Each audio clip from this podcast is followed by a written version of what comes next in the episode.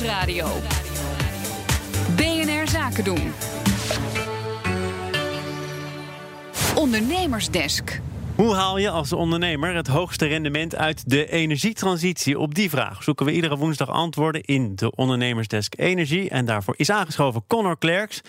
Vandaag de onfortuinlijke bijvangst bij de isolatie van kantoorpanden. Connor, dat is een zin die ik niet verwacht had ooit uit te spreken. Wat uh, bedoel je ermee?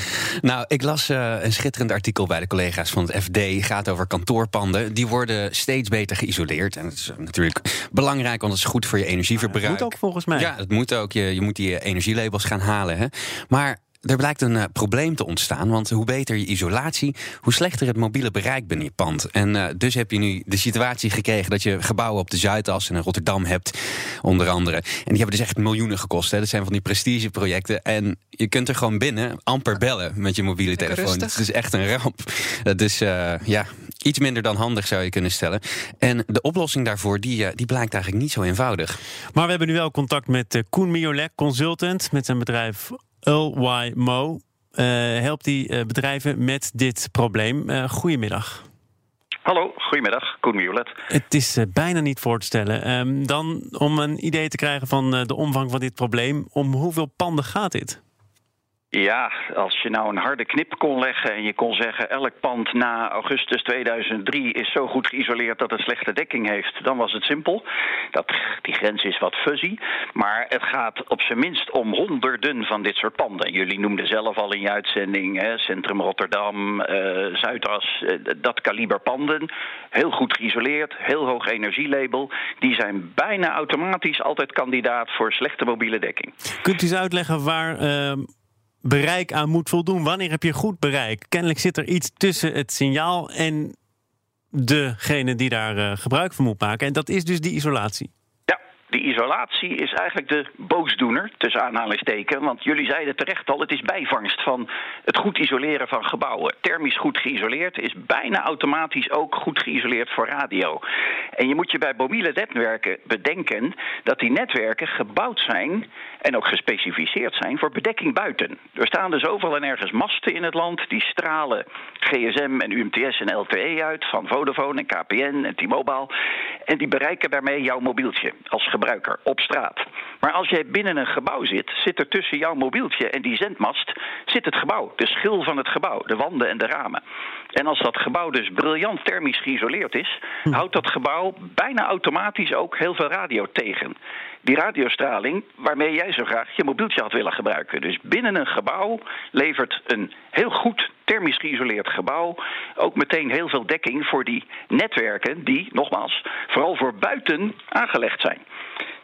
En stel dat je nou als eh, ondernemer of als bedrijf in de markt bent om een nieuw pand te huren, waar moet je dan op letten? Nou, hier zou je inderdaad op kunnen letten. In, in het artikel van het FD wordt, wordt gekscherend gezegd... als mensen dan een nieuw kantoor betrekken... gaan ze eerst naar de, de koffiecorner, kijken of de latte macchiato er goed uitkomt. Je zou ook eens rond kunnen lopen en kunnen kijken... of je mobiele bereik overal een beetje naar, naar wens is... voor die provider die jij gebruikt. Of alle providers, als je ze allemaal gebruikt.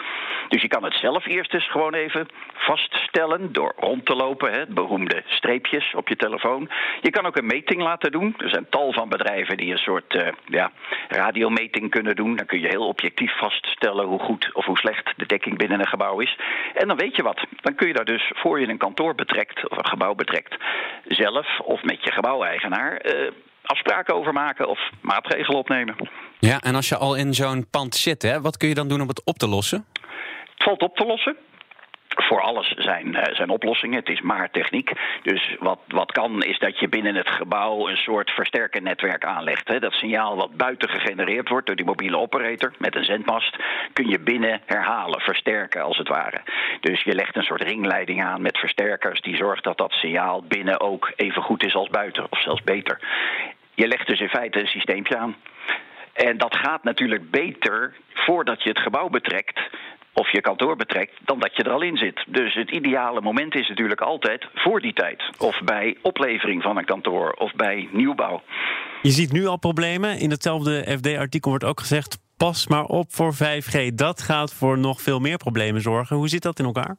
Ja, dat is, dat is iets te kort door de bocht om dat zo te stellen. Niet alles wat 5G is gaat automatisch meteen moeizamer zijn. Maar het is zo dat 5G voor een deel afgewikkeld gaat worden op frequenties in een nog hoger spectrumbereik. Ik zal de techniek verder even achterwege laten. En hogere frequenties hebben de inherente neiging slechter door te dringen in gebouwen. Hoe hoger de frequentie, hoe slechter die doordringt. Dat is een, een natuurwet. Net als bastonen. Hè. Iedereen kent wel het effect dat bastonen het verst te dragen. Dus lage tonen. Nou, lage radiofrequenties dragen ook het verst. Dus 5G, voor een deel op hogere frequenties, zal nog slechter doordringen binnen gebouwen. Dat klopt. U eh, drong gelukkig wel goed door in dit programma. Dank u wel, Koen Miolet van Ulwymo. De Ondernemersdesk Energie wordt mede mogelijk gemaakt door Enpuls. Enpuls, baanbrekende ideeën voor de energietransitie.